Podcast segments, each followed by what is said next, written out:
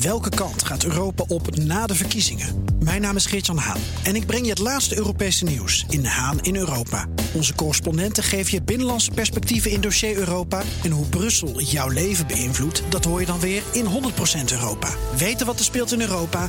Luister naar de programma's van BNR. Ben jij goed in techniek, cyber of ICT? Word onze burgercollega bij Defensie. En werk vanaf nu samen met militairen aan de veiligheid van Nederland. Maak jouw specialisme specialer. Ga naar werkenbijdefensie.nl. Welkom bij de Technoloog nummer 171. Herbert, welkom. Hey Ben. We zitten hier met Arif Hun. En Arif, jij bent uh, de baas van de denktank bij de Freedom Lab. Zo. Goed, hè? Dat is het inderdaad. Ja, en wij zitten en we gaan het hebben over planetary scale computing. Dus daar zie ik al weken naar uit. Uh, omdat dat een onderwerp is dat. Ja, dat raakt alles. Ik heb dat dikke boek heb ik besteld. Help me even. De stack. De stack heb ik besteld. Van Benjamin Bratton. Ja, dat was echt way too much. Ja, dat kost gewoon heel veel tijd. Nee, maar Herbert, dat kost zoveel tijd om dat boek te lezen. Kwantitatief bedoel je? Jeetje man, dus en dan hebben we ook nog die, de, de, de corona waar we helemaal vol van zijn. Je hebt het over de, de, de, hoe, hoe, hoe dik die boeken zijn, maar ik vind het ook best wel zware kost. Ja. Nou, gelukkig zijn we hier om Abstract. de wereld wat behou- De planetary behapbaarder te maken. scale computing. Ja, nee, ik, ik ga maar- om heel veel voorbeelden vragen en Ja. eh, hou het, hou het Ja, laag bij Goed, we gaan beginnen. Het is onwijs interessant, want in, ehm, ehm, dus in de stack zijn er allemaal lagen.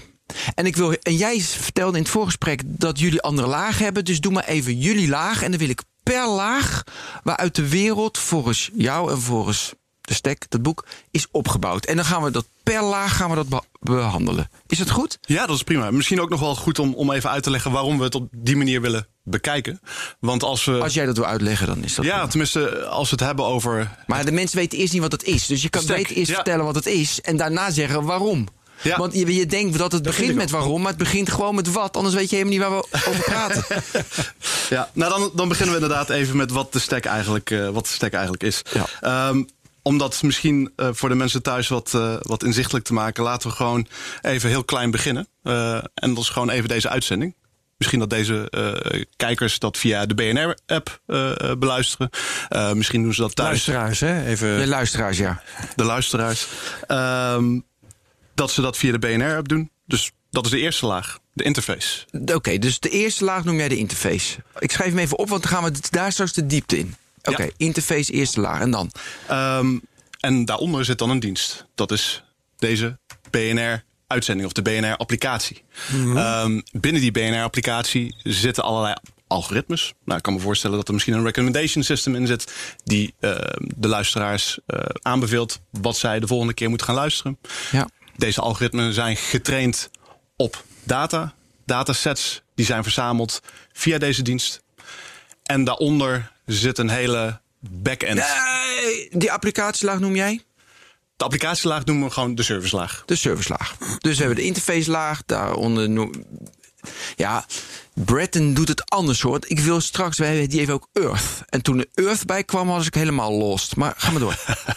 Ehm, daaronder hebben we dus dan de intelligentielaag. Dat zijn dus de algoritmes. Dus in dit geval. Nee, die had je al. Want dat, was, dat, want dat zat in de servicelaag. Nee, dat zit echt in een losse laag Oké. Oké, ja, Het is wel goed om die twee los te koppelen. En die noem jij de? Intelligentielaag. Intelligentielaag. En eh, daaronder hebben we dan de datalaag. En daar zit de data en die verzameld wordt door zo'n dienst. Oké. En daaronder zit dan een infrastructuurlaag. En daar kun je nog eens een keer onderscheid maken tussen zachte infrastructuur en harde infrastructuur. Wat is dat verschil? Grote verschil tussen die twee is dat de zachte infrastructuur een hele virtuele aard heeft. Dus als we bijvoorbeeld nadenken over een protocol, dat is niet meer heel eenvoudig te lokaliseren op één geografisch gebied. Iets als het internetprotocol bedoel je? Zoals het Ja? TCP/IP-protocol. Oké, bijvoorbeeld. Ehm, maar als we het hebben over één server, wat bestaat uit hardware, eh, harde schijven, processoren, eh, maar ook bijvoorbeeld de kabels in de grond, De draadjes, precies. de draadjes. Dat zijn eigenlijk eh, eh, ja, eh, aspecten die Ja, gewoon een duidelijk geografische component hebben. Oké. Ja. Ja. Ja, ja, ja, ja. Ehm, Goed, allemaal laagjes. dus dat zijn jouw twee, vier, vijf lagen. Het zijn er tussen volgens mij zes. Nou ja, je hebt er maar, je hebt er maar je hebt er twee, Kijk, vier, dat vijf genoemd. Je had de interface laag, jij had de service laag, je had de intelligentielaag, je had de, datalaag en je hebt de zachte infrastructuur. Oh, en de harde infrastructuur. Oké, Oké, dat zijn er twee, zacht, ja. dat zijn er twee. Oké, Eh, kun je even wat in de stack, daar wordt ook erg beschreven, dat vond ik wel boeiend. Je hebt dan zeg maar de aarde en daar zijn allemaal groepen mensen. En op een gegeven moment komen daar wetten, regelgeving en dan gaan we dat, dat structureren. En dat zit dus in die onderste infrastructuurlagen, in die zachte vooral, zit Ja. dit wat ik nu beschrijf. Ja, Oké, maar ja. Nou, in, in principe, eh, misschien is het nog wel even handig. Want ik kan me voorstellen dat we nu over deze laag hebben. De vraag is eventjes lagen waarvan. En als we het dan hebben over Ja. dat, dat die planetary scale computer. Want dat is het main thema. Planetary Scale Computing. Exact. En ik denk dat dat. eh, ehm, Dus lagen waarvan? Dat ging je beantwoorden. Precies. Ik, dus eigenlijk de, het beeld dat de mensen in hun hoofd eh, eh, moeten hebben, is dat we met z'n allen een grote virtuele computer globaal aan het bouwen zijn. Aan het bouwen zijn. En dat is eigenlijk een open project. Eh, want met het internet veronderstellen we ergens ook een, dat dat al een soort van project is wat al af is. We zeggen ook wel eens het internet is gebroken. Ja. Ehm, terwijl je ook zou kunnen zeggen nee, het is voortdurend in wording. Ehm, Ja, want, want eh, als jij zegt, dan zijn we misschien aan het bouwen, dan eh, denk ik toch dat we hem tot op zekere hoogte al hebben. Maar ook dat hij nooit af is. We zijn hem altijd aan het bouwen. Ja, in wording. Ja. Ja, nee, maar eh, oké, in- precies. Ehm, maar het is niet iets wat ooit, wat ooit klaar zal zijn. nee. Denk ik. Nee. En dat is ook eigenlijk zoals ontwikkelaars überhaupt tegen ehm, een digitaal systeem aankijken. Ja. Ja. Daarom heeft het ook een modulair gelaagd karakter. Ja. Ik, ik kom ook wel eens de vraag tegen: heeft het internet een eigen bewustzijn? Valt dat ook onder jouw eh, taakomschrijving? Omdat Daar kunnen we het zeker ook nog over hebben. Eh, in welke laag maar zit dat? Dat zit in de, ja, in de Dat intelligentielaag. zou je natuurlijk. eventueel een intelligentielaag Ja. kunnen plotten. Maar Ja, goed, dat oké. is... eh, Ja, nog even. eh, Want jij zegt we zijn een grote computer aan het bouwen. Daar hoort dus niet bij dat s- steden ook een intelligentie op zichzelf hebben. Of een, een, een, ehm, een woongemeenschap. Of auto's die rijden door de straat. Dat bedoelen we. We bedoelen echt een computer. Digitaal bedoelen we. Ja. Technologie. Dus niet de, de, een samenleving van mensen. Dat zie jij niet als een computer. Hè? Dat, even dat onderscheid. Want sommigen doen dat namelijk wel. Dus daarom kom ik ermee. Ja, nee, in, pr- in principe, eh, eh, zoals we het model nu behandelen, niet. Eh, wat Benjamin Bratton bijvoorbeeld wel zegt, is dat langzamerhand hetgeen wat nu nog niet tot de bestek behoort, erin getrokken wordt. Ik wou net zeggen, de, de vraag is op het gevaar af het nog veel ingewikkelder te maken, eh, of je dat van elkaar kunt onderscheiden. Dat eh, planetary scale computing ehm, als, weet ik veel, digitaal apparaat. En de mensen die Ja, er precies. gebruik van maken, die erin zitten. Ik kan het niet van elkaar onderscheiden, tenminste. Op dit moment niet. Ja, nou, ik denk dat daar bijvoorbeeld de interface-laag eh, heel interessant is. Want dat is Ja. precies waar ehm, mensen, maar ook objecten eh, interacteren met die zogenaamde stack. Ja. Die eh, planetary scale computer. Je hebt, je hebt nu beschreven wat het is, maar dat, dat wilde je doen voordat je ging vertellen waarom we het Oh. erover hebben eigenlijk. Ja, precies. Want anders, nu is het een vrij abstract model. Eh, we hebben Ja. die lagen beschreven, maar waarom zou je het op deze manier bekijken? Ehm, en ja, het is toch heel eenvoudig om te beginnen gewoon bij die metafoor van zo'n computer. Net zoals je een computer die op je desktop staat ook kunt ontleden aan de hand van allerlei lagen. Namelijk, je hebt een toetsenbord, je hebt je beeldscherm, daarop draait Ja, een stukje software. Dat draait binnen een eh, operating system. En Ja, eh, dat hardware, draait vervolgens op chips. een stuk Wa- wa- wa- hardware. Daar komt het woord stack natuurlijk ook vandaan. Dat hij dat Exact. gebruikte. Ja, Ja, En precies. diezelfde analogie kunnen we dat ook projecteren op die virtuele computer die we met elkaar aan het bouwen zijn. Ja, waarbij ik meteen al de vraag heb, en dat ga je misschien eh, in de loop van dit uur ook uitleggen. Eh, als je het hebt over de, de planeet is een computer, zal ik maar even gemakshalve zeggen. Dan wil ik eigenlijk wel eens weten, eh, wie zit er dan aan die computer? Exact. En ja. wat rekent die uit? Ja. ja, daar komen allerlei eh, geopolitieke en politiek-economische vragen om de hoek kijken. Goed zo. Dus dat, eh, dat, dat is denk ik heel interessant, zeker als we naar de dag van vandaag kijken. Ja, kunnen we het nu over corona dan heel even hebben, want dat heeft ermee te maken. Corona. Oké, dus jij zei van. Je kon erop wachten. Nee, ja, nee, dat, moet, dat moeten we. Ja. Of niet, want dit luisteren ze over tien jaar nog. En dan, eh, Al dat, dan dan kunnen is het horen een waar we klein ooit geweest in 2020. Dan zeggen ze Ja. dat jullie daarmee bezig waren. Maar eh, hoe, hoe eh, implementeren we in dat planetary scale computing Dus bijvoorbeeld, dus bijvoorbeeld corona. Ja. Nou ja, de, de vraag die je zou moeten stellen uh, in zo'n situatie als deze is: hoe bouw je een computer die uh, aantal crisissen kan overleven. Het zij in de vorm van een virus, het zij in de vorm van een oorlog. Um, en het internet heeft een aantal van dat soort principes natuurlijk al geïnternaliseerd. Uh, we zien het internet ook al wel ja. als antifragiel systeem. Ja, wat sterker wordt onder druk. overleefd, heeft 911 overleefd. Ja. Niet waar? Ja, ja, dus het, uh, ik denk dat uh, als je kijkt hoe uh, dat project ook ontstaan is, dat men ook heeft gekeken van hoe kunnen we een zo robuust mogelijk netwerk dat bouwen. Dat was de bedoeling. Ja. Uh, en nou ja, een aantal van dat soort principes zitten echt in de meest fundamentele lagen van het internet al ingebouwd.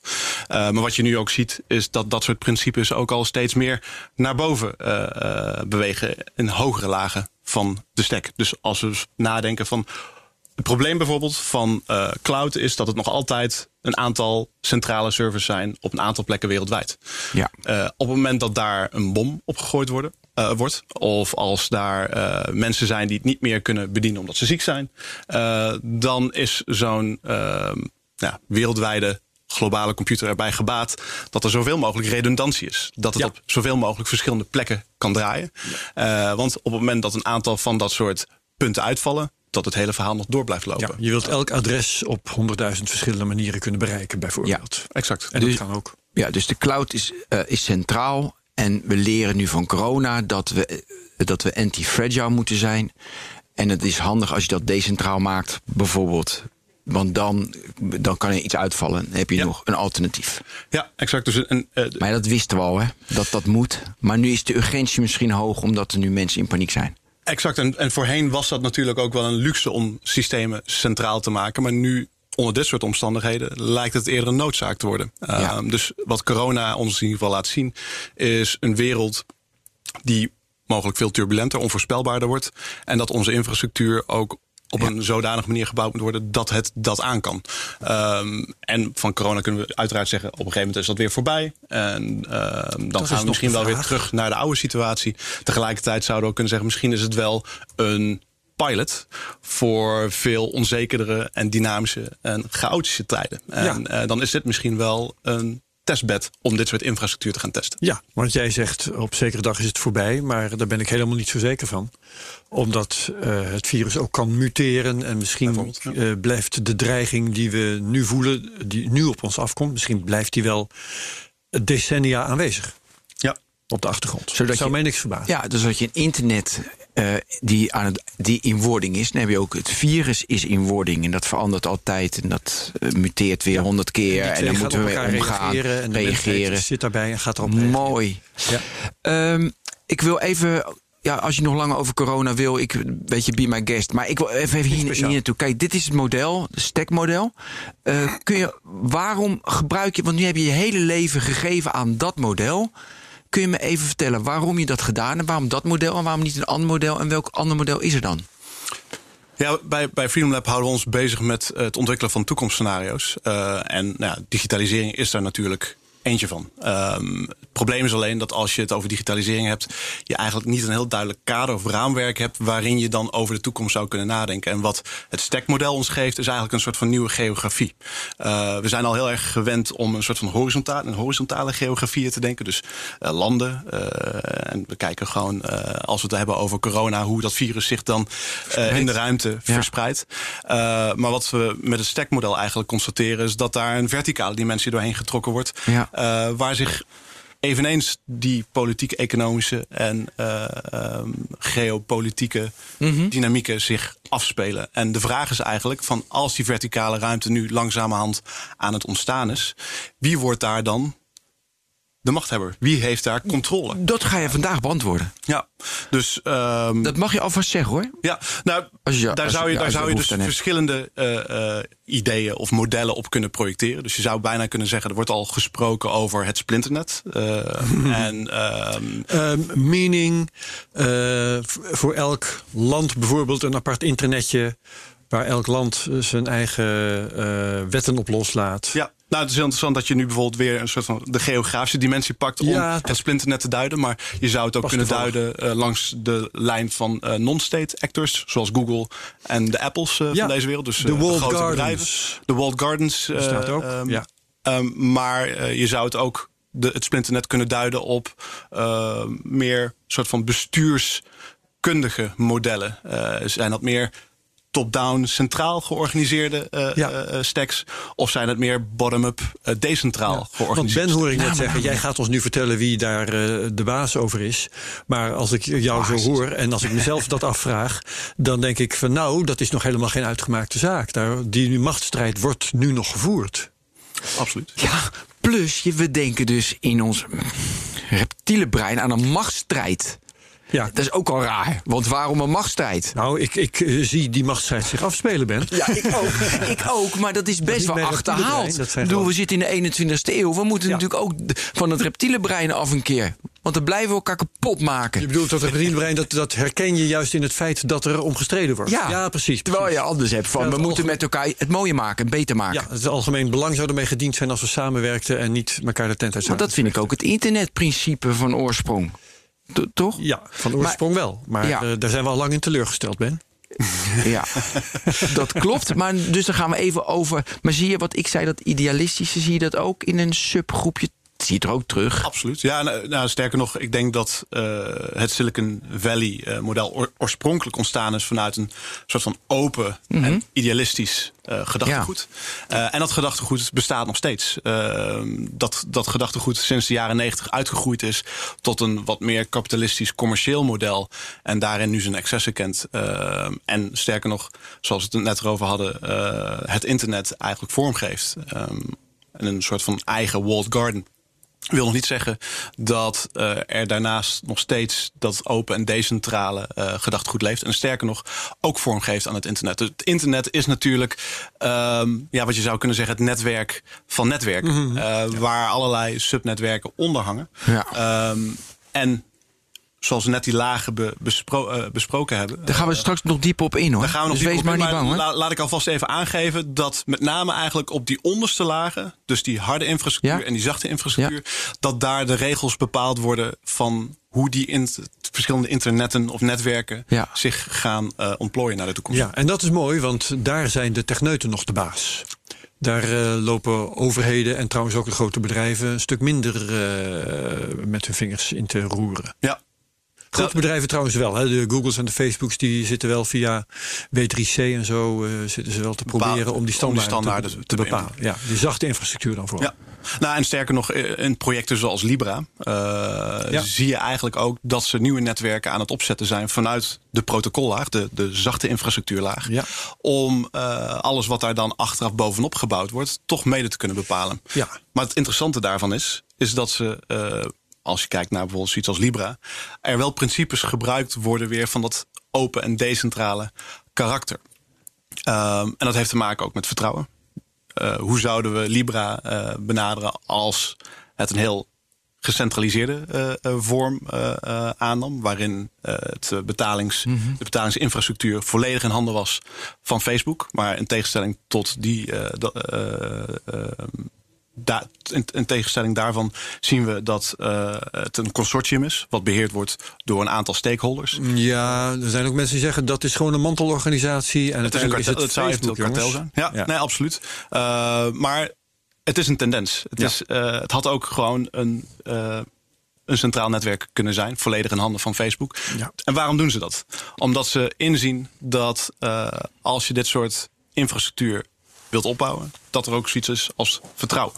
En dat vertrouwen krijg je alleen maar als je dat soort infrastructuur ook niet in handen legt van één partij. Ja. Um, en nou ja, jullie hebben het al vaker over blockchain gehad. Als je blockchain vanuit deze invalshoek bekijkt, is het eigenlijk een innovatie op de laag van de zachte infrastructuur. Een uh, innovatie op het gebied van protocollen, waarbij het opeens mogelijk gaat zijn om gedeelde infrastructuur te hebben. Wat veel meer een stakeholder model heeft dan een shareholder model waarbij uh, niet meer één central point of failure bestaat. Natuurlijk, ja. Ik, uh, ik wil toch nog even naar dat model. Want wat er vorige week hadden wij Jorijn van Duin over ASM in de uitzending. Jawel. En het was boeiend. En hij, zijn model voor de ontwikkeling van. Uh, van de technologie met ASM. Hij zei technologie verandert heel snel. Had hij een ander model. Hij koos het model van, uh, van de evolutieleer. Hmm. Ik vond dat wel origineel. Dat ik dacht van hé, hey, je kijkt dat je naar digitalisering kijkt in, ja, vanuit de evolutietheorie. Uh, dus ik vraag ons me steeds af waarom de stekmodel? Omdat het computer is daar. eh, ja, dus, ja, maar wa- waarom niet een ander model? Want, en ik vind het zo zonde dat je nu daaraan vasthoudt, terwijl je dan heel veel mogelijkheden voor andere modellen afsluit. Ja, nou, het, het interessante ergens aan het stekmodel is dat het ook best wel een soort van totalitair model is. Dus als je kijkt ook naar het eh stekmodel zoals Benjamin Breton het oorspronkelijk heeft geïntroduceerd, ziet je de userlaag ook eh, eh, daarin terug. Ja. Dus daarin zou je eigenlijk alle ideeën rondom bijvoorbeeld ook evolutieleer in kun je, kunnen projecteren. Dus wat zijn systemen die de gebruiker besturen. Dus het, is, het sluit dat soort modellen niet per se uit. Maar het is vooral goed om even in de gaten te houden van wat is het doel van het stekmodel. En dat is met name om ehm, die geografische orde Ja. opnieuw te bepalen. En heel veel van onze problemen die we vandaag de dag moeten beantwoorden, of het nou Google is, of het nou Apple is, of het nu China is die eh, het internet probeert te eh, controleren. Dat die kunnen we daarmee zich doen. met name af in die ruimtelijke ordening. En Wat mis je in het model? Want het is altijd heel erg mooi om te kijken wat je mist. Ja, Ehm, nou ja, het zegt in feite niks over inderdaad de drijfveren van de mens. Dus eh, daar zul je toch eh, Ja. eh, andere theorieën of modellen moeten gebruiken om dat, om dat in te vullen. Ehm, maar nogmaals, het is een, het is een vrij open model en, en compatibel met allerlei andere ideeën. Dus dat, Nou, zullen we dan nu beginnen? Beginnen? Ja, nee, met, de- met, zal wel tijd worden. met de onderste laag. Oké. Dat is de harde infrastructuurlaag. Leg uit. Oh ja, en we doen dit allemaal, dat we het mensen ook allemaal weten. Dit doen we om de toekomst van het internet straks vorm te geven. Hè? Dus we, als, we, als we straks, straks klaar zijn, hebben we gewoon een heel helder gewoon beeld. uitrekenen. Je kunt uit, ja, dan is het gewoon enter. En dan hebben we, hebben we de, de toekomst van het internet. Dus we beginnen met de, dat allemaal nog in een paar minuten. Nee, in de harde infrastructuurlaag, daar beginnen we mee. Ja. Je hebt kort uitgelegd wat het is, wat moet er veranderen, hoe is het nu, wat, dat heb ik kort uitgelegd. Wat moeten we veranderen om dat naar de toekomst toe eh, prettig te hebben? is dit de juiste vraag? Weet ik niet. Nou ja, de- Prima. de- de- misschien kunnen we beginnen met een soort van vraag die je zelf kunt stellen in die laag. Ja, Eh, vertel jij even wat voor vragen we moeten stellen. Dat vind Van- ik een goed plan. Nou, als we het hebben over hardware, dan er zijn er eigenlijk drie belangrijke componenten. Dat is connectiviteit, rekenkracht en eh, hoeveel je kunt opslaan. Dus zeggen, daar wordt gewoon bepaald eh, eigenlijk de, de, ja, de fundamentele capaciteiten van die eh, Ja. planetary scale computer. Ja, Ehm, nou, en daar zien we allerlei interessante dingen natuurlijk gebeuren. Of het nou quantumcomputers zijn, of het nu 5G is, of we nu op het gebied van processoren eh nou, Moore's Law zien afvlakken. Ja. Dat zijn allerlei bewegingen die bepalen hoe die computer eh, zich naar de toekomst toe gaat ontwikkelen. Wat voor capaciteiten die heeft. Wat voor mogelijkheden die kan bieden. Ehm, dus net zoals je als je een nieuwe telefoon koopt, je ook afvraagt van ja, wat voor eh, specs heeft hij allemaal? Ja, Ehm, ja. Heeft hij eh, een hoge resolutie beeldscherm? Want ook dat kun je in de Ja. onderste laag afvragen. En, en is het, is Welke het sensoren heeft het? Je kunt je dat afvragen natuurlijk. Eh, intuïtief zou ik zeggen, nou ja, moeilijk. De, dat gaat allemaal exponentieel omhoog. Zowel de rekenkracht als de connectiviteit als het geheugen. Of is het anders, Arif? Nou ja, als het gaat om rekenkracht, dan zien we inderdaad dat Moore's Law. eh, tenminste, dat is nu wel een beetje algemeen de opvatting. Dat die eh, eh, aan het aflopen is. Dus dat die exponentiële eh, verdubbeling van iedere 18 maanden de transistor, transistordichtheid. Eh, dat dat niet meer geldt. Eh, dat is waar, maar ga ik meteen protesteren. Eh, dan je kijk het je over naar 3D-compu- 3D-chips en het Nou, stekken van. nee, daar heb ik niet. eh, want ehm Moore's Law geldt voor een processor. Hè? Wat, wat, wat, wat gaat er steeds meer in een processor? Maar werp ik dan tegen, als je kijkt naar die wereldcomputer, dan heb je er ook mee te maken dat er steeds meer processors in eh, verwerkt worden. Dus ongeacht of er iets gebeurt technologisch Ja. op het gebied van hoe maak ik een processor, die wereldcomputer heeft steeds meer computerkracht. En de enige vraag is hoe snel neemt dat toe? Ja, nou, en vind ik een hele eh goede eh, eh, observatie. Ehm, tegelijkertijd, want je stelt nu eigenlijk een andere dynamiek vast, die deels natuurlijk ook gewoon wel degelijk afhankelijk is van Moore's Law. Stel, je had, wel, ja. je had die optelling van al die verschillende processoren plus Moore's Law eh, eh, eh, gehad, dan had je natuurlijk een veel sterkere computer. Dus het feit dat Moore's Law aan het afzwakken is, is wel een realiteit waar we mee te kampen hebben. En ook wel degelijk bijvoorbeeld een partij zoals Intel, eh, de macht die ze hebben en eh, ehm, bepaalt. Uh, zijn zij in staat om nog die uh, exponentiële uh, groei van processorkracht voor te zetten? Dat gezegd hebbende maak ik een hele interessante observatie. Namelijk van hoe verknopen we eigenlijk al die verschillende processoren aan elkaar? Want nu is het nog gewoon, ze tellen niet op per se. maar hoe zou het zijn als je mogelijk via blockchain, wat dan in de lager boven zit, al dat soort computerkracht zou aan elkaar zou kunnen knopen als één grote processor. En waar zou je dat dan op los kunnen laten? Een voorbeeld is natuurlijk CERN, uh, de deeltjesversneller, die al een decentraal netwerk van computers heeft, waarin al die verschillende rekencapaciteiten. Wereldwijd. Dat heeft uh, Tristan van Tristan. hier zitten uitleggen. Uh, ook terugluisteren mensen. Hun computerkracht en hun opslag en alles over de wereld verdelen. Ja. Hè, over de continenten verdelen. Um, het technologie risico 100, te spreiden. 161, dus 10 afleveringen terug. Ja. En om te zorgen Tristan dat uh, wetenschappers de data zo dicht mogelijk ja. bij huis kunnen vinden. Ja, en, en CT is denk ik ook een ander voorbeeld. Dus de Search for Extraterrestrial Intelligence, waar ook uh, decentrale uh, of gedistribueerde netwerken van mm -hmm. computers gebruikt worden om ja. de informatie die afgevangen wordt door telescopen te interpreteren. dus we hebben het in het verleden vaker gedaan, maar de vraag is natuurlijk van kunnen we deze uh, virtuele computer als een soort van general purpose technologie uh, op zo'n manier programmeren dat al die overcapaciteit aan rekenkracht gebundeld kan worden als zijn één grote uh, planetaire computer. En die we dan op allerlei maatschappelijke problemen los kunnen laten. Want dat is dus het doel. Want ik zat heel veel, ja, het wordt sneller en meer, weet je, weet je dus sneller, meer geheugen, rekenkracht. Mooi. Maar uiteindelijk moeten we al die power gebruiken voor de planetary scale computing, dat we goede dingen ermee kunnen doen. Ik, ik zou, dat is toch wat je wil? Het, het, het, klinkt nu net alsof één persoon dat vindt. Uh, ik zou bijna zeggen van het is een soort van nee, intrinsieke. Als jij uh, dat vindt, dan is het zo. Uh, nou, maar ik bedoel meer te zeggen, het is niet zo dat er één basis van het internet die zegt van we moeten dit nee, op deze manier aan elkaar knopen. Het is meer een tendens van het systeem. Dus ja. er is overcapaciteit in het systeem. Die wordt ja. nu niet noodzakelijkerwijs ingezet uh, op een gefocuste manier.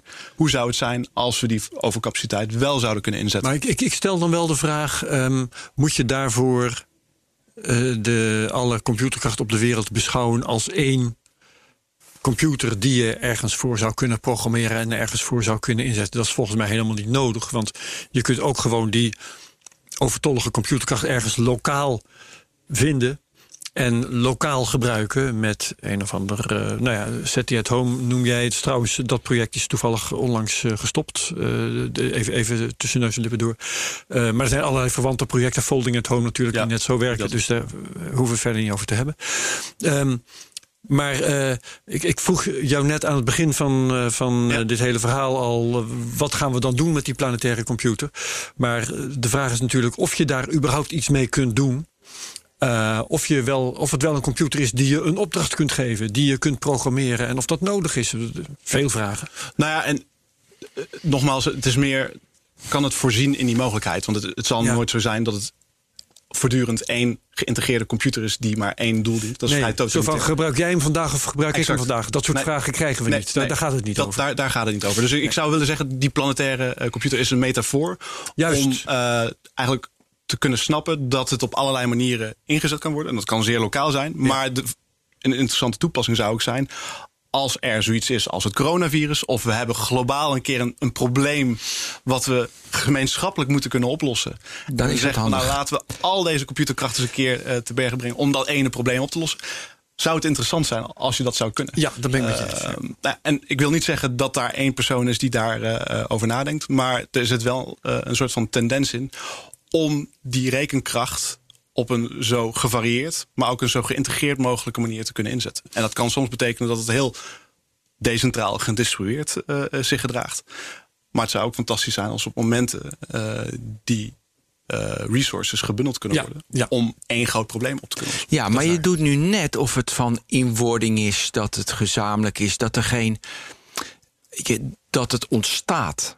Maar ik denk wel dat mensen uiteindelijk bepalen hoe het gaat ontstaan. Dus want jij maakt scenario's, dus jij publiceert erover.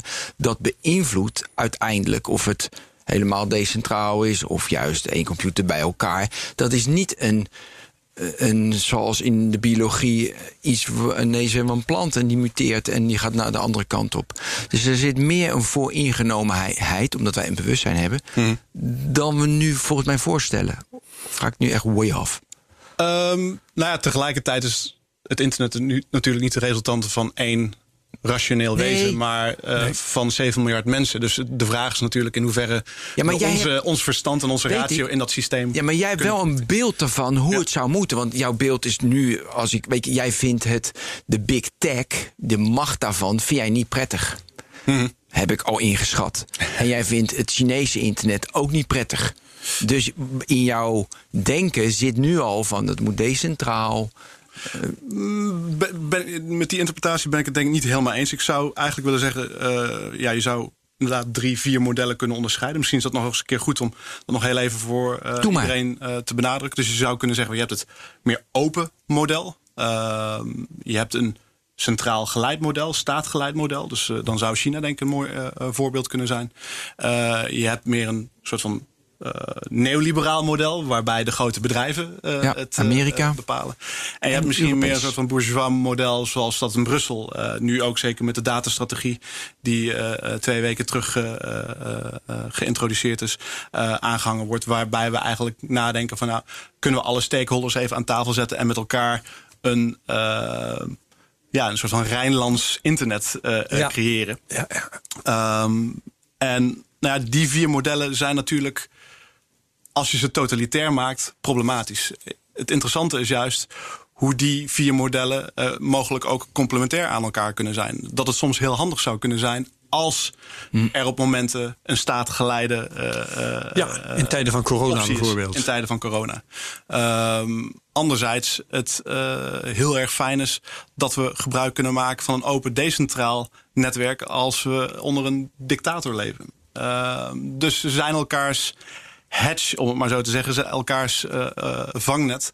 In het geval dat een van die vier modellen eh, zijn, eh, ehm, ja, Oh, zijn, mooi. Dus zijn jij- beperkingen laat zien. Dus jij zegt ook, ze moeten alle vier blijven bestaan. En soms complementair, soms niet. Maar we moet, je hebt het niet een ideaal beeld. Bijvoorbeeld het, het Europese model is niet jouw ideaal. Niet dat je vindt eigenlijk dat China dat ook zou moeten hebben. Of nee, want het, het- de beperking van dat model is dus vaak dat het eh, reactief is. Dus eh, er wordt gezien wat eh, de excessen zijn van het internet. En daar, op basis daarvan wordt dan beleid gemaakt. Ja. Als het over innovatie gaat, dan wil je juist ook ehm, ja, die permissionless innovatie, waarvan we de vruchten nu plukken, namelijk met het internet, Ja. ook ruimte kunnen geven. Dus het gaat er vooral om van hoe plaats je die vier modellen eh, Ja. ten opzichte van elkaar en eh, demp je de eh, excessen. Eh, Ja, maar heb je daar wel invloed op? Want zoals jij het nu beschrijft, eh, dat is de situatie die we tegenkomen. Het is zus in Amerika, het is zo in Europa, het is nog weer anders in China. Eh, Afrika is misschien ook wel interessant om daarbij. Maar goed, ehm, dat, is, dat is niet te plannen. Nee. Want eh, dan zou je. Want het heeft eh, veel te maken met de politieke regimes Ja. op verschillende continenten. En die plan je niet. Die ontstaan. Buiten je macht.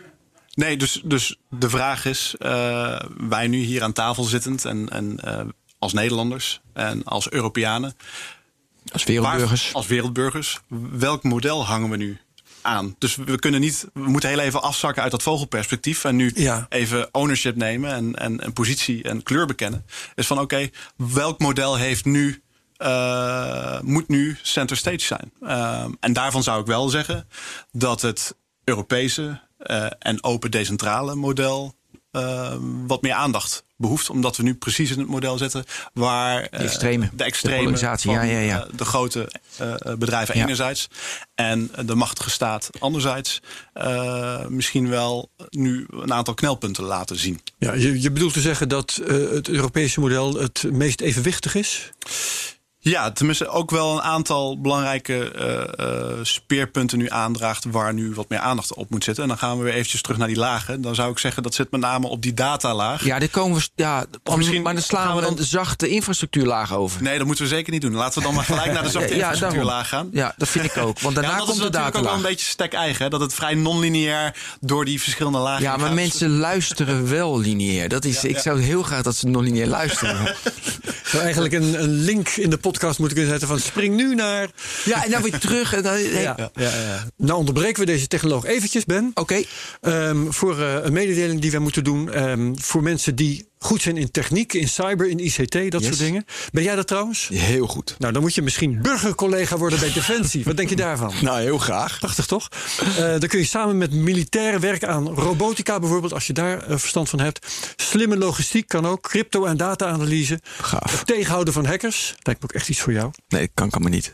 Je kunt jouw specialisme specialer maken. En het enige wat je daarvoor hoeft te doen is ga naar werkenbijdefensie.nl. Mooi. En dan vind je daar allerlei eh, mogelijkheden om eh, je daar te melden en om zinvolle dingen te gaan doen. Zet hem dus op. doe dat. Bescherm ons land. En dan gaan we nu verder. Maar laten we inderdaad naar die, die zachte infrastructuurlaag gaan. Want ik denk dat daar Doe namelijk maar. De protocollen. de protocollen. En eh, de vraag die je daar zou moeten stellen is: hoe managen we nou eigenlijk die verschillende computationele resources? Dus als je dan opslagcapaciteit hebt en als je dan rekencapaciteit hebt en connectiviteit, wat voor afspraken maken we dan over hoe die aangesproken moeten worden door bijvoorbeeld diensten, eh, maar ook door eh, eh, de eindgebruiker? En protocollen zijn een van de manieren waarop dat gedaan wordt. Dus Ja. dat zijn een soort van regels, afspraken die computers onderling met elkaar maken. Bijvoorbeeld het TCP/IP-protocol, eh core protocol van het internet, van hoe deze computers met elkaar communiceren in een netwerk. Ja, maar die protocollen zelf, die worden bedacht door mensen. En Ja. die worden eh, de wereld ingeholpen door organisaties. Zoals W3C, zoals IETF, ICANN, ja. eh, ja, noem maar op, RIPE. Ja. Ga ze maar door. Dus eh, ehm, de, de mens heeft daar invloed op. Absoluut, ja. Maar ehm, tegelijkertijd is het wel, en dat, ik denk dat heel veel mensen het niet doorhebben, dat die protocollen eigenlijk ook bestuurskundige instrumenten zijn. Men bekijkt het vaak als Zeker. van rein technologie. Oh, dat, dat is iets van computers. Uh, maar je zou het ook kunnen zien van daar worden gewoon afspraken gemaakt van hoe resources in zo'n netwerk aangesproken worden en verdeeld worden. Klopt, En uh, ja. hoe uh, macht daarmee ook bepaald is. Dus een client-server-achtig protocol bepaalt ook dat de server uh, het concentratiepunt is van macht en de client ja. uh, daar ja, gebruik dat er zoiets aan. is als clients en servers. Exact, dat ja. dat, dat het op die manier uh, bepaald wordt. Dus daar zie je eigenlijk al dat een aantal uh, soort van keuzes gemaakt worden hoe die applicaties die daar dan bovenop draaien uh, georganiseerd zijn. dus Google, om maar een, een, voorbeeld te noemen.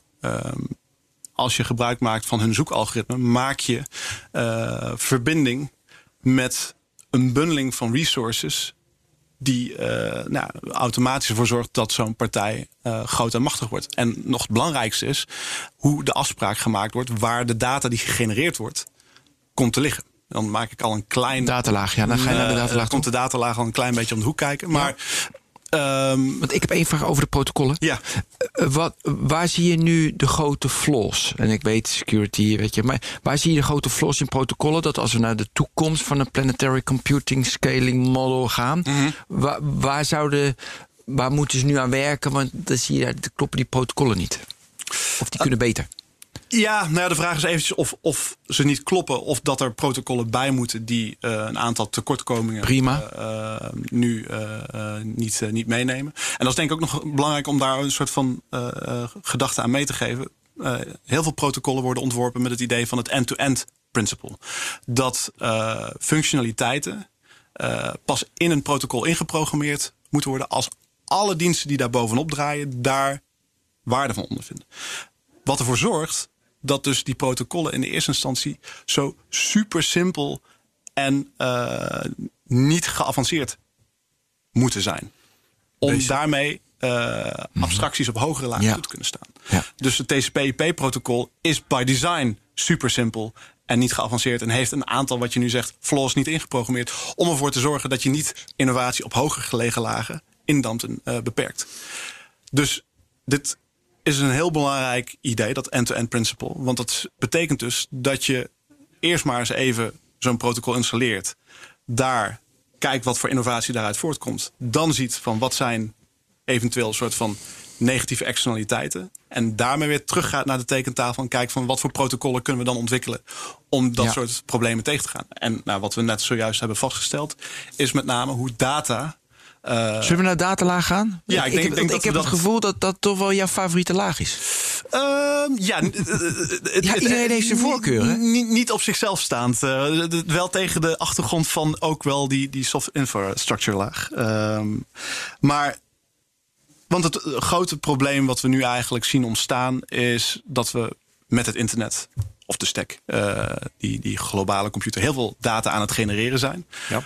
Maar dat die in silo's weggesloten ligt. Ehm, en ook nog eens een keer binnen silo's waar een burger of een land geen controle over heeft. Maar Ja, bij grote techbedrijven met andere woorden. grote en trouwens ook wel bij overheden, geheime diensten misschien, eh exact. enzovoorts. Dus de vraag is dan, die hiermee ontstaat. En misschien om, om nog een soort van twee belangrijke termen te introduceren. Het idee van thin protocols en fat protocols. Dat wordt vaak binnen eh, de blockchain community gebruikt als zijnde het TCP/IP-protocol is een thin protocol, waarbij de data eh, opgesloten ligt in de dienstenlaag. En daarmee dus ook eh, de diensten controle hebben over die data. Ja.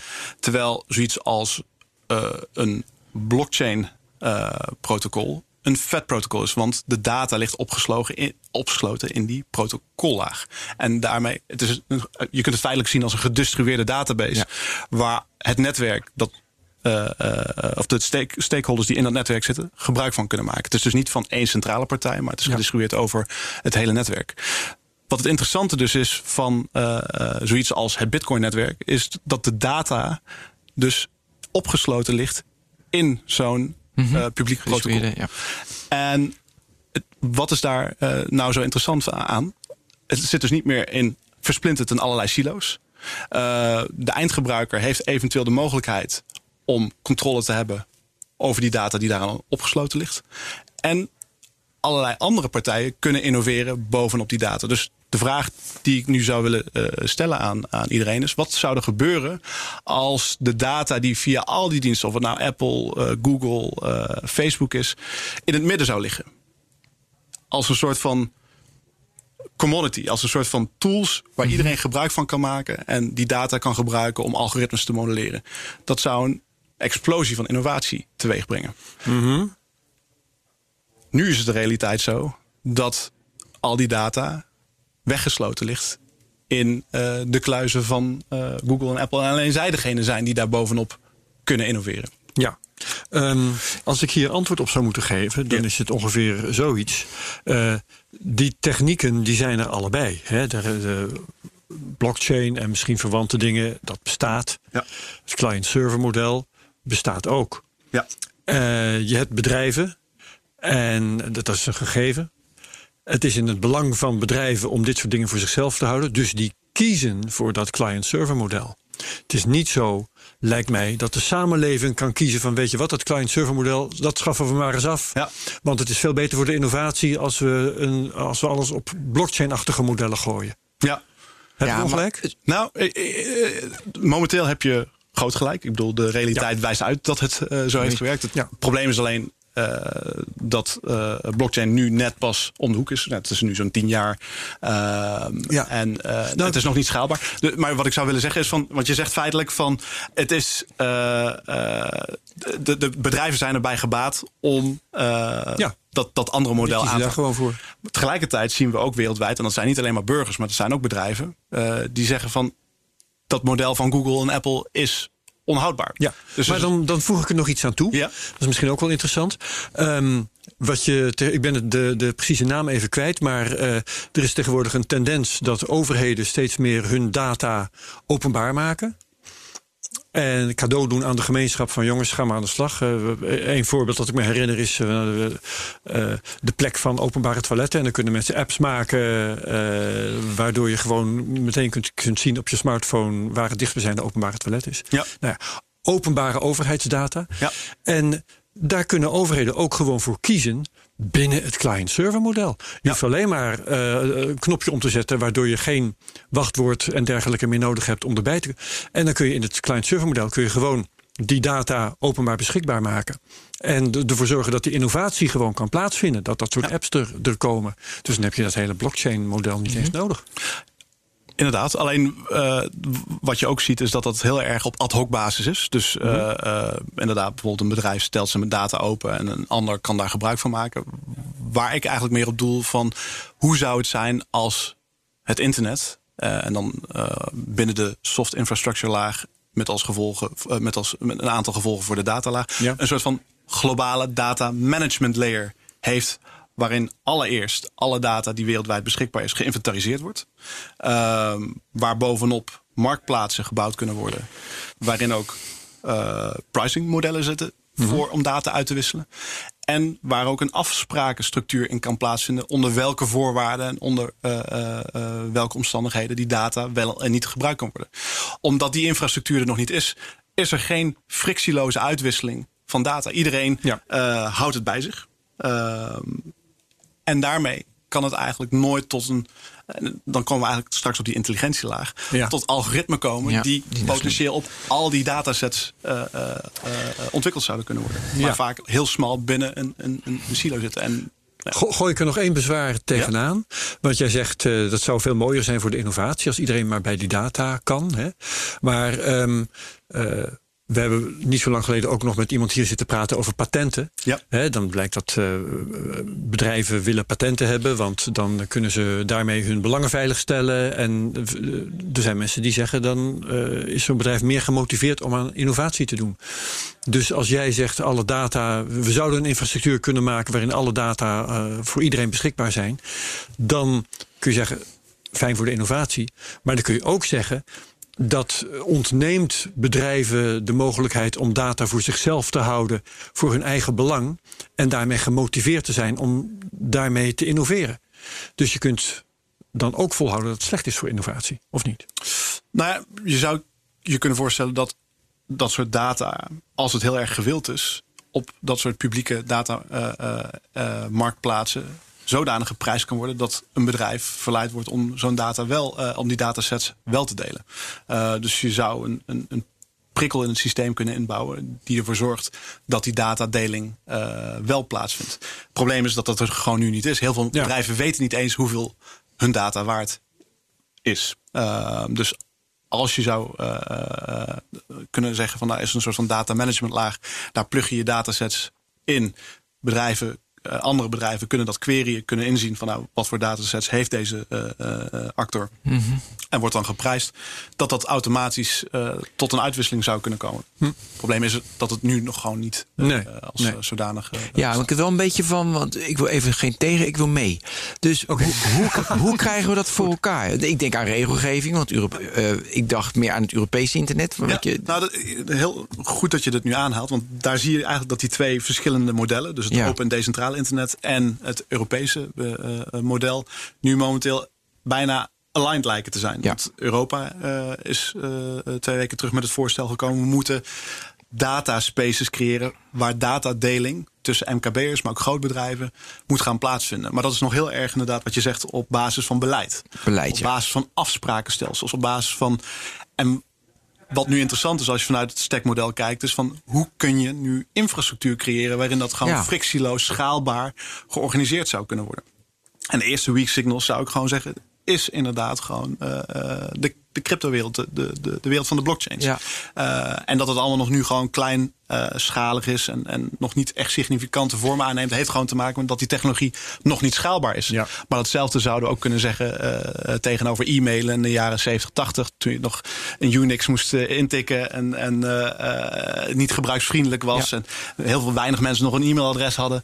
Nou, dat schaalt nooit, dat werkt niet. of dat we in de jaren 90 hadden gezegd van nou, ik kan mijn Netflix-film nog niet op mijn televisie afspelen. Ja, dat heeft gewoon even tijd nodig. Ja, waar zie je een initiatief met de blockchain data delen? Dat je zegt van hé, hey, daar, daar worden mooie dingen gebouwd. Daar zie ik. Um, nou ja, binnen, binnen de open source community momenteel vind ik het Ocean protocol heel interessant. Uh, dus uh, zij zeggen eigenlijk, het, ja, wij maken die data exchange layer of data management layer voor het internet. Is dat het Interplanetary File System ook? Nee, dat is uh, IPFS. IPFS. nou, ook een interessant project. Uh, ja, okay, dus En, en zij zijn eigenlijk vooral. Uh, uh, zij hebben niet echt een, een soort van. Uh, zij, zij zitten lager in die stack. Ja, ja, ja. Om maar even ja. te zeggen. Maar Ocean File Protocol. System wordt gezegd het al. Ja. Uh, maar het Ocean Protocol probeert echt uh, dingen zoals data pricing op te lossen. Data provenance, dus te kunnen tracken waar een stukje data geproduceerd is, mm -hmm. wie de eigenaar is en wat daar allemaal in het verleden mee is gedaan. Zodat je het ook een stuk data echt als commodity kunt gaan behandelen. Ehm, dus ja, een interessant project om naar, om naar te kijken. Ja. Um, ja, en verder zie je dat. En dan komen eigenlijk met name de projecten zoals Libra om de hoek kijken. Gewoon vanuit de gevestigde orde. Uh, dat soort gedistribueerde infrastructuur wordt opgetuigd. Een ander voorbeeld is denk ik Microsoft. met ja, Ion, een decentralized identity uh, project. Ik zag het, ja. Um, ja uh, is het PR of is dat echt serieus? Ik denk dat het wel serieus is. Met name ook, en dat is misschien ook wel interessant om. We zetten nu de grote techpartij als één groot machtsblok uh, weg. Maar ik denk dat je daar ook wel een differentiatie in kunt maken van welke partijen zijn eventueel soort van allies van het open decentrale internet. Ja. Uh, en dan is Microsoft wel een interessante partij, omdat hun businessmodel natuurlijk niet in de eerste instantie zit op het op het data, data op de datalaag. Dat zijn ja. met name de Facebooks en de Googles. Ja. Uh, ze, hun uh, verdienmodel zit vaak toch op uh, enterprise software, op cloud. maar ook je ziet ze naar de interface laag bewegen. Ze maken ook eindapparatuur. Um, dus je zou kunnen zeggen, omdat hun verdienmodel daar niet, in ieder geval daar ligt niet de kern van Microsoft, zou het een interessante partij kunnen zijn die uh, mee zou kunnen bouwen aan dat soort uh, meer open, decentrale infrastructuur. Ja. Wie had dat kunnen denken? Ja, wie had dat kunnen denken? Ja, nee, dat uh, is, is denk ik heel. 20 jaar geleden. En, ja. en ze zijn natuurlijk ook bij gebaat om dat data business model te disintermediëren. Want dat zijn ook tegelijkertijd hun grote concurrenten. Ja, de Googles. Ja, tuurlijk. Zeker. Hey, we gaan naar de volgende. We gaan naar de int intelligentielaag. Ja. Want we hebben namelijk nog 10 minuten. We moeten nog drie lagen doen. En nou, ik moet zeggen, dat de, de, hartstikke druk, man. De interessantste lagen zijn wel uh, zeker de data. En, uh, ja, maar zijn het ook de lagen waar het meeste geld zit?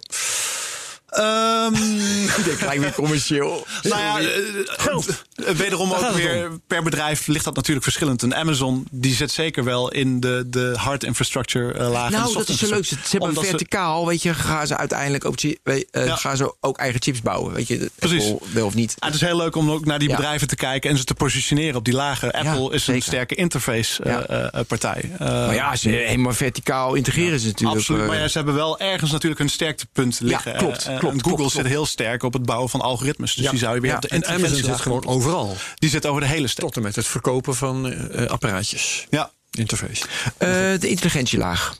Steek hem dus misschien wel leuk vanuit Google dan in. Nou ja, het, uh, misschien dat ik ook wel weer de andere lager een beetje bijtrek. Google is oorspronkelijk begonnen als search uh, engine. Uh, heeft daar vervolgens een advertentiemodel aangehangen. Die sterk op die datalaag zit. Ja. Uh, maar tegelijkertijd is die datalaag voor hun ook een belangrijke asset geworden. Om te gaan verfijnen. Om hun zoekalgoritmes uh, te verfijnen. Uh, maar uh, ook uh, nou, ze zitten nu ook in de business van zelfrijdende auto's. Ze zitten in de business van uh, cloud en ook cloud computing ja. aan te bieden. Dus niet alleen maar storage, maar ook gewoon dat je mm -hmm. rekenkracht kunt, ja, kunt Google aanspreken. Cloud. Um, dus je ziet dat ze in de eerste instantie hun uh, uh, laag in de service, uh, mm -hmm. dat ze daar sterk waren. Dat ze vanuit daar bewogen zijn naar de datalaag. En op basis van al die verzamelde data nu een sterk streepje voor hebben op hun concurrenten op de intelligentielaag. En daar zit ook nog, en dat is nog echt wel een langere termijn, want heel veel van die algoritmes zijn leuke speeltjes. Ik bedoel, je kunt nu uh, misschien uh, verkeersborden in het buitenland vertalen, of je ja. kunt misschien net wat betere zoekresultaten vinden. En zelfrijdende auto's rijden ja, ja. gradueel steeds beter. Maar de belofte ligt natuurlijk ergens in de toekomst dat het een soort van breed intelligent eh, eh, intelligente actor wordt die jou in alle opzichten in het dagelijks leven kan bijstaan. Of het nu gaat om het regelen van je financiële zaken, tot en met het eh, eh, eh, regelen van eh, slimme steden, eh, tot het beheren van eh, logistieke systemen. Ja. Ehm, Wat dat betreft zou je het nog best kunnen volhouden. Die wereldcomputer waar we het eh, over zouden hebben, dat is Google. ja, maar de vraag is In elk geval een benadering daarvan. absoluut. Maar er bekruipt je gelijk een, een soort van ongemakkelijk gevoel van zeker. voel je je er prettig bij als die globale computer beheerd wordt door één commerciële partij. En dan zul je, eh, en zeker, kijk, nu kijken we tegen een eh, bedrijf aan die zoekresultaten eh, beheert. Misschien een, je, je muziek en, en een stukje multimedia doet. Maar in de toekomst ze bewegen richting health, ze richt- bewegen richting mobiliteit. Ja, betalen. betalen. Het wordt steeds intiemer en intiemer. De vraag wordt, komt er een keer een punt dat het gewoon niet meer houdbaar is? Dat we het te veel, te Ja, diep dat, eh, eh, vinden zitten in ja, ons ja, dat is natuurlijk al. eh, Als je kijkt naar wat er op dat gaande is op het gebied van wetgeving, dan is dat punt wel eh, bereikt, eh, of in ieder geval heel dichtbij. Maar is het dan niet een hele interessante conclusie om te zeggen van... het is dus blijkbaar onvermijdelijk dat we weer misschien naar die open, decentrale... Ja. of eh, eh, bourgeois-achtige interpretatie van de stek eh, toe moeten gaan. Dus het is geen ja. keuze, Ja. het is niet eens een ideologische keuze. Het is gewoon, dit model is onhoudbaar. Dus dat is al een hele interessante bed. Eh, om te zeggen van het is Ja. niet een keuze, het is onvermijdelijk. Klopt, maar het gaat wel traag. Ehm, die eh, vind ik wel duidelijk. Weet je, is van, ja, Ja. Of ja, makkelijk. Eh, maar dan krijgen we die servicelaag. Noem maar even, nou ja, het lijkt me ook duidelijk. Maar noem maar even, je had net de applicatie eh, eh, dus van BNR. Dus moeten we daar nog iets mee? Dat is toch aan de vrije markt overgelaten. En als ze niet zoals Clearview alle eh, weet je, foto's eh, scrapen en daarmee in zijn veens eh, extra stimuleren, steeds extra stimuleren, dan snap ik dat dat, dat is gelijk wel regelgeving of oppositie van de mensen, want dat mag Clearview niet doen. Maar dat is toch, of hebben we er ook nog bijzondere dingen Nou, over te melden? ik, ik denk dat wat een hele interessante eh, eh, constatering is, en dat is voor jullie ook niet eh, onbekend is natuurlijk. Wel nieuwe dingen vertellen. Nou, la- Ja, je zit hier om nieuwe dingen te nieuw vertellen die wij niet perspectief- weten. Nieuw perspectief op dingen die jullie al wel kennen. Dus, dus Ja, eh, graag, graag. Zo, zoiets als WeChat eh, eh, is een dienst. Ja. Maar in principe is dat een ecosysteem van allerlei microdiensten die daaronder hangen. Nou. Ehm, en ik denk dat dat wel ook de richting is waar wij op gaan, naartoe gaan. Dus dat het dat afzonderlijke diensten, dus al die applicaties die Ja, op vind je ik boeiend. mobiele- Bundelen en bundelen. Waarom denk je dat? Omdat het gewoon tot minder frictie leidt. Eh, dus hoe zou het zijn als allerlei diensten op een intelligente wijze met elkaar kunnen samenwerken om frictieloos je dagelijks leven eh, eh, te kunnen bedienen? Als je vroeger naar al die soort van Microsoft eh, toekomstvideo's keek Ja. van hoe de wereld eh, Ja. naadloos eh, van je taxi naar de Je staat airport liep. en je vraagt aan je, aan je eierwekker eh hoe laat gaat de taxi. En het is Ja. allemaal fantastisch geïntegreerd. En dat is nog steeds de belofte die voor ons in ligt. je maar even, we zeiden net Google, oh eng als ze alles hebben. Ja, maar dan heeft Tencent alles. Ja, dat. Dus, en we zeiden net van, dat moet juist dat moet decentrale. Exact. Dus, Dus dan daarom- komen we weer terug naar die, die zachte eh, infrastructuurlaag en die datalaag. Je kunt je ook een mega-ecosysteem voorstellen. Waarbij de diensten niet meer, waarin de datalaag niet meer opgesloten ligt in die individuele diensten. Ja. Maar dat het als een soort van brede resource voor al die ecosystemen die daar bovenop. eh, eh, eh, georganiseerd zijn, breed beschikbaar is. En dan heb je opeens niet meer dat probleem van er is één groot machtig bedrijf die bij mijn data kan. Nee, het is de datalaag is een soort van utility geworden, nutsfunctie, waarop interoperabele diensten met elkaar kunnen samenwerken Ja. om je dagelijks leven En makkelijk weet je, weet je waar ik nou aan moet denken ben? Nou? Mijn eh, project om te ontgoogelen. Ja. Waarbij ik, eh, dat is dus mislukt, grotendeels. Nou ja, het is deels Gefaald. deels gefaald. Maar waarbij ik dus probeerde om eh, een andere maps te gebruiken dan Google Maps en een andere agenda dan Google. En dan kwam ik steeds bij andere bedrijven ook uit. En, Ja. eh, dus maps van dit bedrijf of of van die Proton mail moest je weer abonnementen. agenda daar, een mail daar en noem al die, al die een zoekmachine daar en een app store daar. En dat, dat, dat is wel een, een veel fijner model omdat je dan je belangen kunt spreiden en eh, niet afhankelijk bent van één club. En ik denk dat, dat we nu precies weer bij jouw vraag terugkomen van waarom eh, zouden we op die, die soort van gedistribueerde infrastructuur instappen. Joh. en daar zit gewoon een systemisch voordeel tegenover het Google-model.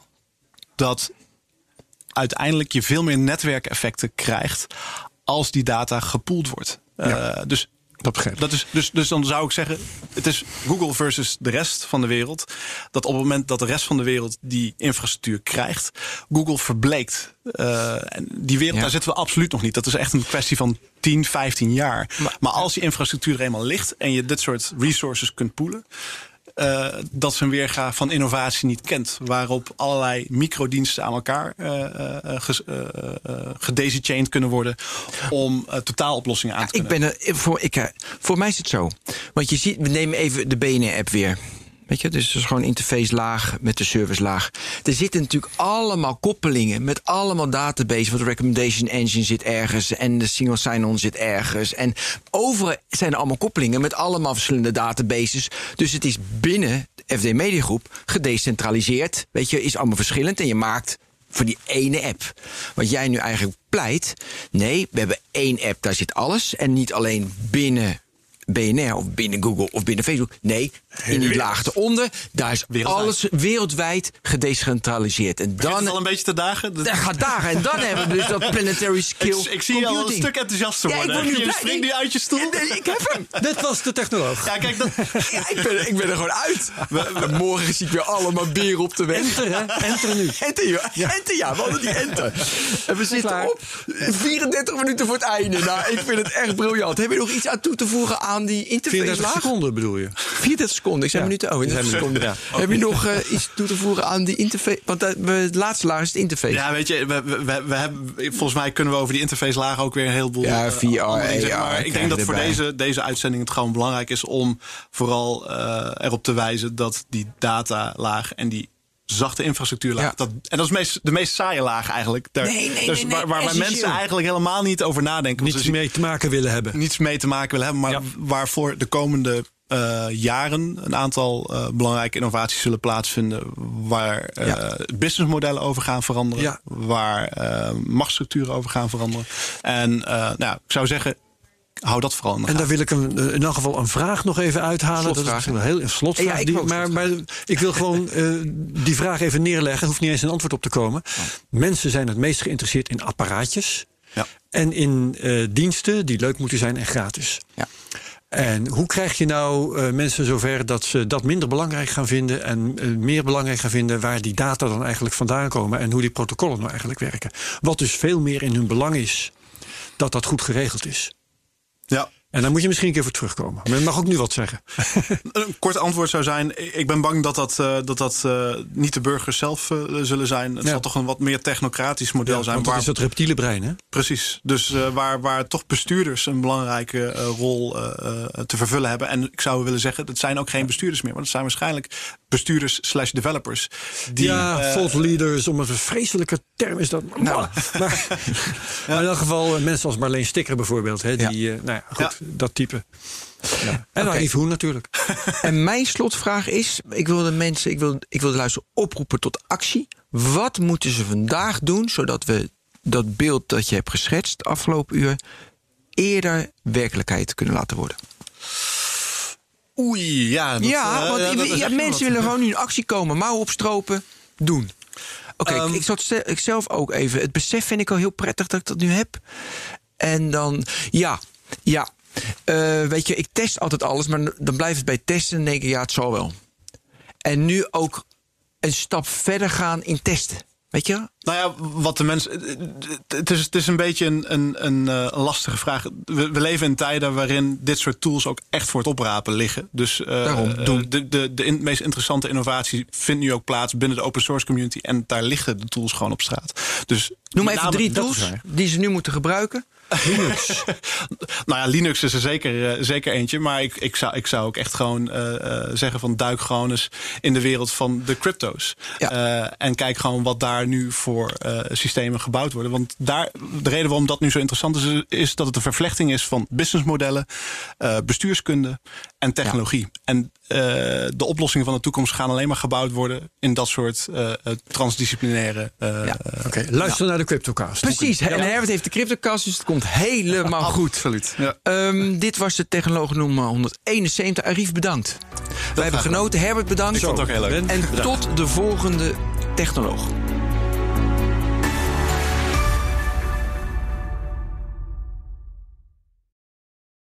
Ook Harm Edens vind je in de BNR-app. Je kunt BNR Duurzaam niet alleen live luisteren in de app, maar ook terugluisteren als podcast, zoals al onze podcasts. En naast dat de BNR-app Breaking News meldt, houden we je ook op de hoogte van het laatste zakelijke nieuws. Download nu de gratis BNR-app en blijf scherp.